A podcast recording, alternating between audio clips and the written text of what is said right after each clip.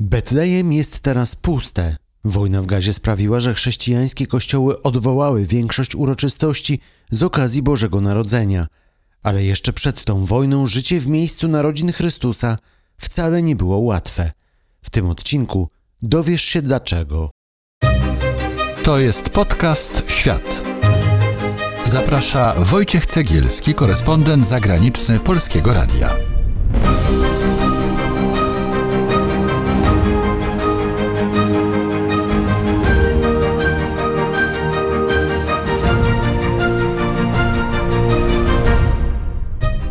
Jedno z najbardziej znanych, ale równocześnie nieznanych miejsc na świecie.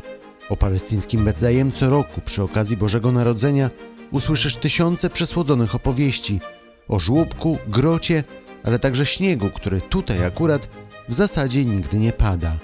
Zapraszam Cię na wyjątkowy odcinek. Pokażę Ci to, czego nie zobaczą turyści. To odcinek nagrany dwa lata temu, więc pamiętaj jedynie, że mówimy o czasie przed wojną w Gazie, ale to, o czym usłyszysz, wciąż jest aktualne. Jest Wigilia 24 grudnia 2023 roku. Wojciech Cegielski, zapraszam.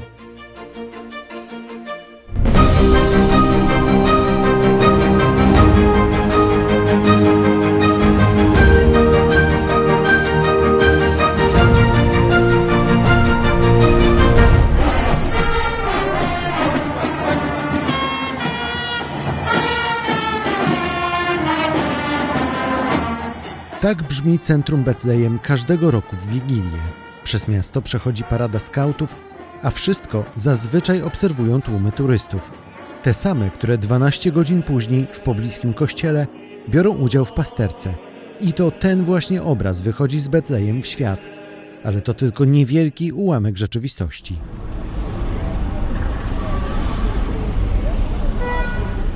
Palestyńskie Betlejem to jedno z największych miast na zachodnim brzegu. Mieszka w nim 28 tysięcy osób. Większość żyje z turystów, tak jak Józef, właściciel małej fabryki szopek w centrum Betlejem.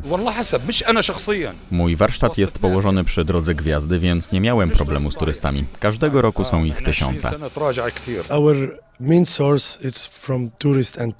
To z kolei Roni Tabasz, współwłaściciel polskiego sklepu z pamiątkami w centrum miasta. Turyści i pielgrzymi to nasze główne źródło dochodu. Wielu z nas prowadzi hotele czy sklepy z pamiątkami. Goście przyjeżdżają do nas głównie, by zobaczyć Bazylikę Narodzenia. Większość z nas jest więc związana z turystami, nawet jeśli pracuje w domu i robi na przykład szopki czy różańce. Jesteśmy więc zależni właśnie od turystów czy pielgrzymów.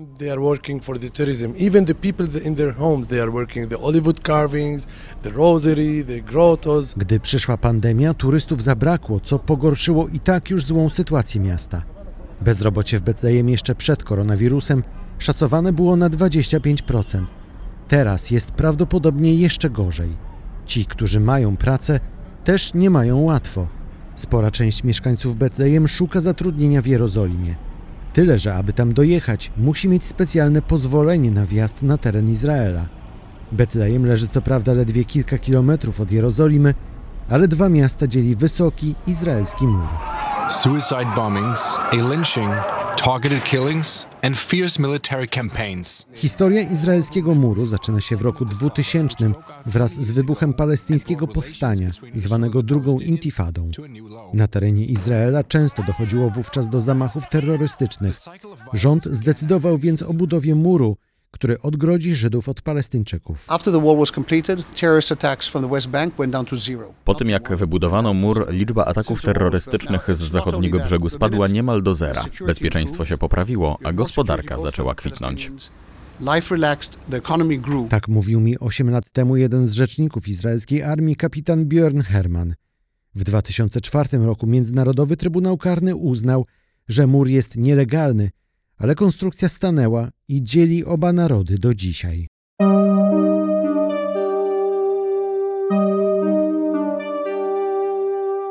Mur podzielił Ziemię Świętą na lepszą, izraelską i gorszą, palestyńską część. Izraelczykom przyniósł bezpieczeństwo, a Palestyńczykom biedę. Podzielił też nierzadko rodziny, a dla Arabów oznacza nieustanną walkę o przeżycie.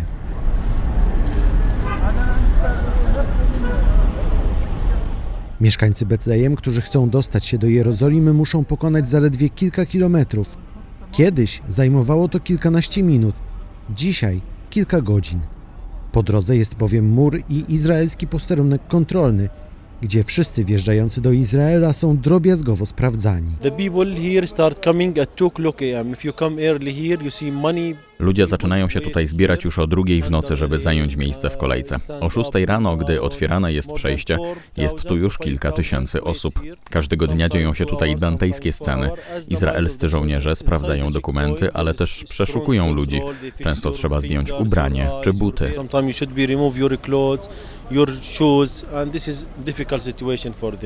Tak mówił mi w 2013 roku 40-letni Amir, taksówkarz z centrum Betlejem. Jednym z tysięcy Palestyńczyków, którzy codziennie przechodzą przez owiany złą sławą punkt kontrolny 300, jest Abdulaziz. Stoimy otoczeni przez zasieki, czujemy się jak szczury, cały czas obserwowani przez kamery i izraelskich żołnierzy. To jest walka o przetrwanie, bo każdy chce jak najszybciej przejść na drugą stronę. Gigantyczne kolejki tworzą się też po południu, gdy ludzie wracają z pracy do domu w okolicach Betlejem. Izraelskie pozwolenia na przekroczenie granicy są ważne w ściśle określonych godzinach. Jeśli ktoś się spóźni, to może nie wrócić na noc do domu, a nawet stracić pozwolenie, a tym samym pracę.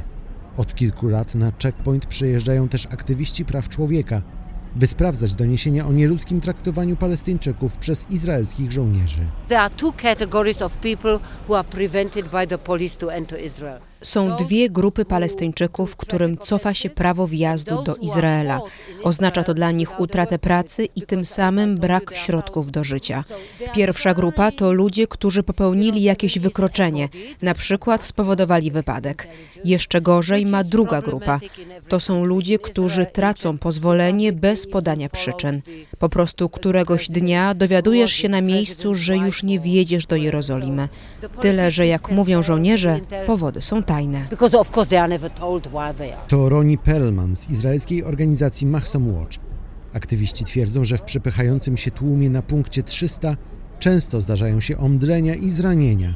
Czasem dochodzi też do większych tragedii. Since the Israeli government ordered the building of the separation wall in 2002, the wall has blocked the town's main road, limiting access to people and products. Izraelski mur odciął Betlejem od Jerozolimy i tym samym drastycznie pogorszył sytuację gospodarczą zachodniego brzegu. Turyści tego nie widzą, bo autobusy z zagranicznymi gośćmi są gładko przepuszczane specjalnym wjazdem. Do Betlejem wjeżdżają zazwyczaj jedynie na parę godzin, co oznacza, że Palestyńczycy na turystach zarabiają coraz mniej. We rely, in fact, on the uh, domestic tourism because domestic tourists who come from Tak naprawdę pieniądze zostawiają tu głównie palestyńscy turyści. Spora część wycieczek z zagranicy przyjeżdża zaledwie na kilka godzin i odwiedza bazylikę i sklepy z pamiątkami. Hotele świecą pustkami, bo turyści najczęściej wracają na noc do Jerozolimy. W Betlejem śpią przede wszystkim Palestyńczycy. Mówiła mi 8 lat temu Fajros Khuri z Palestyńskiej Izby Handlowej.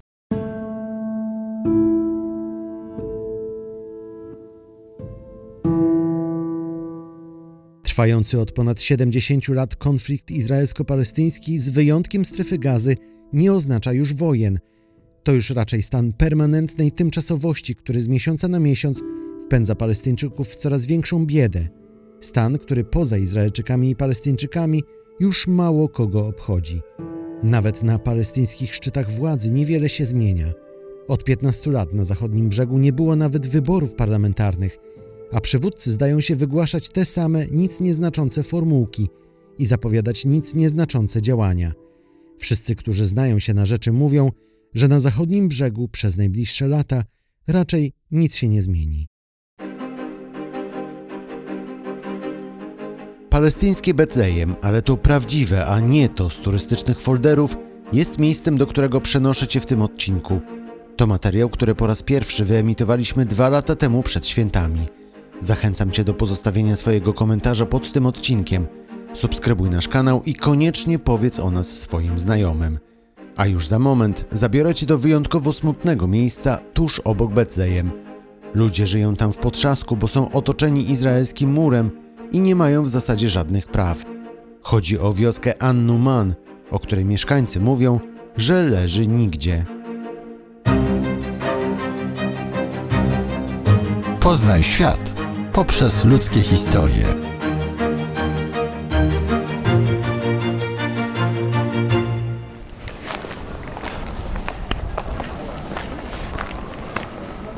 Wioska Annuman była jedną z wielu palestyńskich miejscowości. Jednak gdy w 1967 roku Izrael podbił zachodni brzeg oraz Jerozolimę, wyznaczył nowe granice swojego najważniejszego miasta. Palestyńska Annuman znalazła się w obrębie Jerozolimy, ale ówczesne władze nadały mieszkańcom status obywateli zachodniego brzegu, a nie Izraela. To spowodowało, że żadna ze stron nie przyznawała się do Annuman, a jej mieszkańcy utracili wszelkie prawa obywatelskie. Po roku 2000 nowo budowany mur całkowicie odciął 200 Palestyńczyków z Annuman, zarówno od zachodniego brzegu, jak i od Izraela. Jedyna droga do wioski wiedzie teraz przez izraelski punkt kontrolny. الحياة اليومية للسكان في قرية النعمان هي حياة بائسة Całe nasze życie to więzienie. Żyjemy otoczeni tym murem. To oznacza, że jesteśmy odcięci od świata. Nikt nas tu nie może odwiedzać, nawet nasze rodziny. Tak mówił mi 8 lat temu jeden z mieszkańców Annuman, Abu Mahmud. Ja jako dziennikarz dostałem pozwolenie na wjazd w drodze wyjątku i to zaledwie na kilka godzin.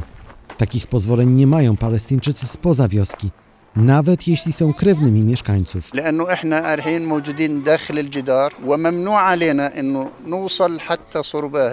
Technicznie to wygląda tak, że jesteśmy po jerozolimskiej stronie muru, czyli tak jakbyśmy byli częścią Jerozolimy, w granicach Izraela.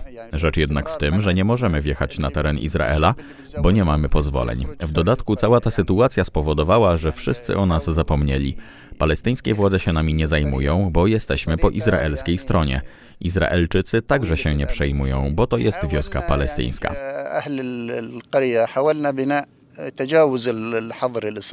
Skutek jest taki, że od lat nie są wydawane pozwolenia na budowę jakichkolwiek domów w wiosce.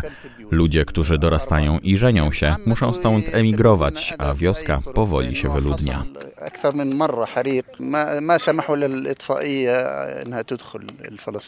W Annuman ludzie często budują się na dziko, a po pewnym czasie przyjeżdżają izraelscy żołnierze i niszczą nowo postawione budynki. Kiedyś w miejscowym gaju oliwnym wybuchł pożar. Mieszkańcy twierdzą, że izraelscy żołnierze na checkpoincie nie pozwolili wjechać palestyńskim strażakom, Wezwano więc izraelskich strażaków, ale gdy ostatecznie przyjechali, gaj był już spalony. Dzieci z Annuman codziennie muszą pokonywać na piechotę 3 kilometry, by dojść do szkoły. Po drodze przechodzą przez izraelski punkt kontrolny. Mieszkańcy mówią, że dzieci są nagabywane przez żołnierzy. Każą oni na przykład pokazywać uczniom dowody osobiste, mimo że dowód w Palestynie można mieć dopiero od 16 roku życia. Nie tylko szkoła, ale i proste zakupy są dla mieszkańców wyzwaniem, bo w wiosce nie ma sklepu. Our family it's a big, as you know.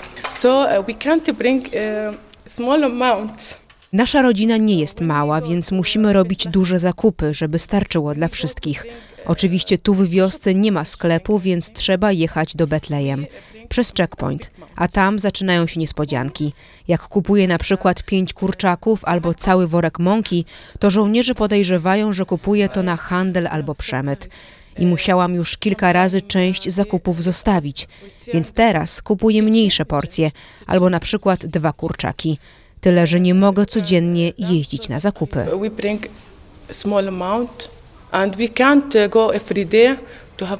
Mówiła mi Siham, jedna z 200 osób, które mieszkają w wiosce i są w potrzasku.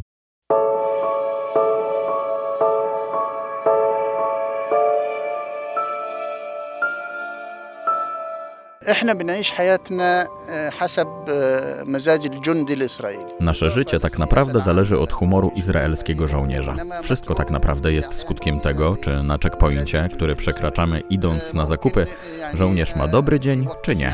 Oni mogą z nami przecież zrobić wszystko.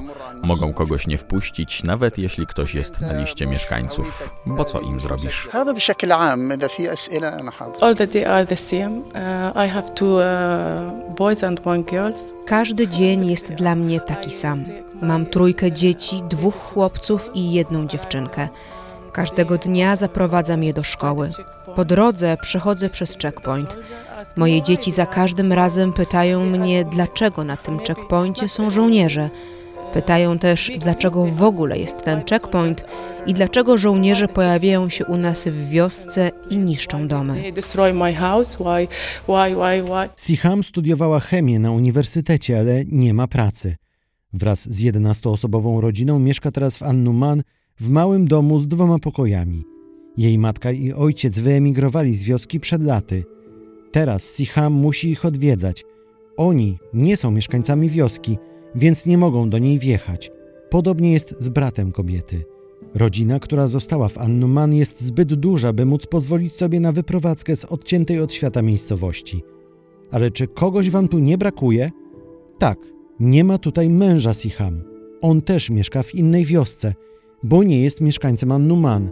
Siham wyszła za niego lata temu, kiedy do Annuman można było normalnie wjechać. If I know that they will do this uh, thing, I wouldn't marry it. Wyszłam za mąż jeszcze zanim powstał tu mur i odciął nas od świata, ale gdybym wiedziała, że tak będzie, to w ogóle nie zdecydowałabym się na małżeństwo.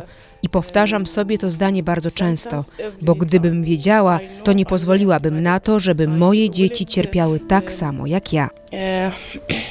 Let my children suffer like me. Córka Siham ma jedno marzenie. Chciałaby mieć własny pokój z własnym łóżkiem i własnym komputerem. I chciałaby móc kiedyś zaprosić do siebie do domu koleżanki z klasy. Na koniec jeszcze słowo wyjaśnienia. W ostatnim czasie jest znacznie mniej premierowych produkcji podcastu Świat, bo jak pewnie wiesz, od niedawna mam nowe zawodowe obowiązki w Polskim Radiu, czyli kierowanie wspaniałym zespołem ludzi, którzy dostarczają Ci newsów na antenach i w portalu Polskiego Radia. Podcast Świat nie przestaje jednak istnieć, bo nadal chcę opowiadać Ci interesujące historie ze świata. Proszę zatem o chwilę cierpliwości, bo wkrótce wrócimy do stałego porządku podcastów i filmów, ale przez cały czas niezmiennie polecam nasz kanał na YouTube oraz profil na Instagramie. Komentuj, krytykuj i koniecznie powiedz o nas swoim znajomym. Teraz to wszystko w tym odcinku czytali Magdalena Skajewska i Patryk Michalski. Ja nazywam się Wojciech Cygielski, dziękuję za uwagę i życzę dobrych świąt.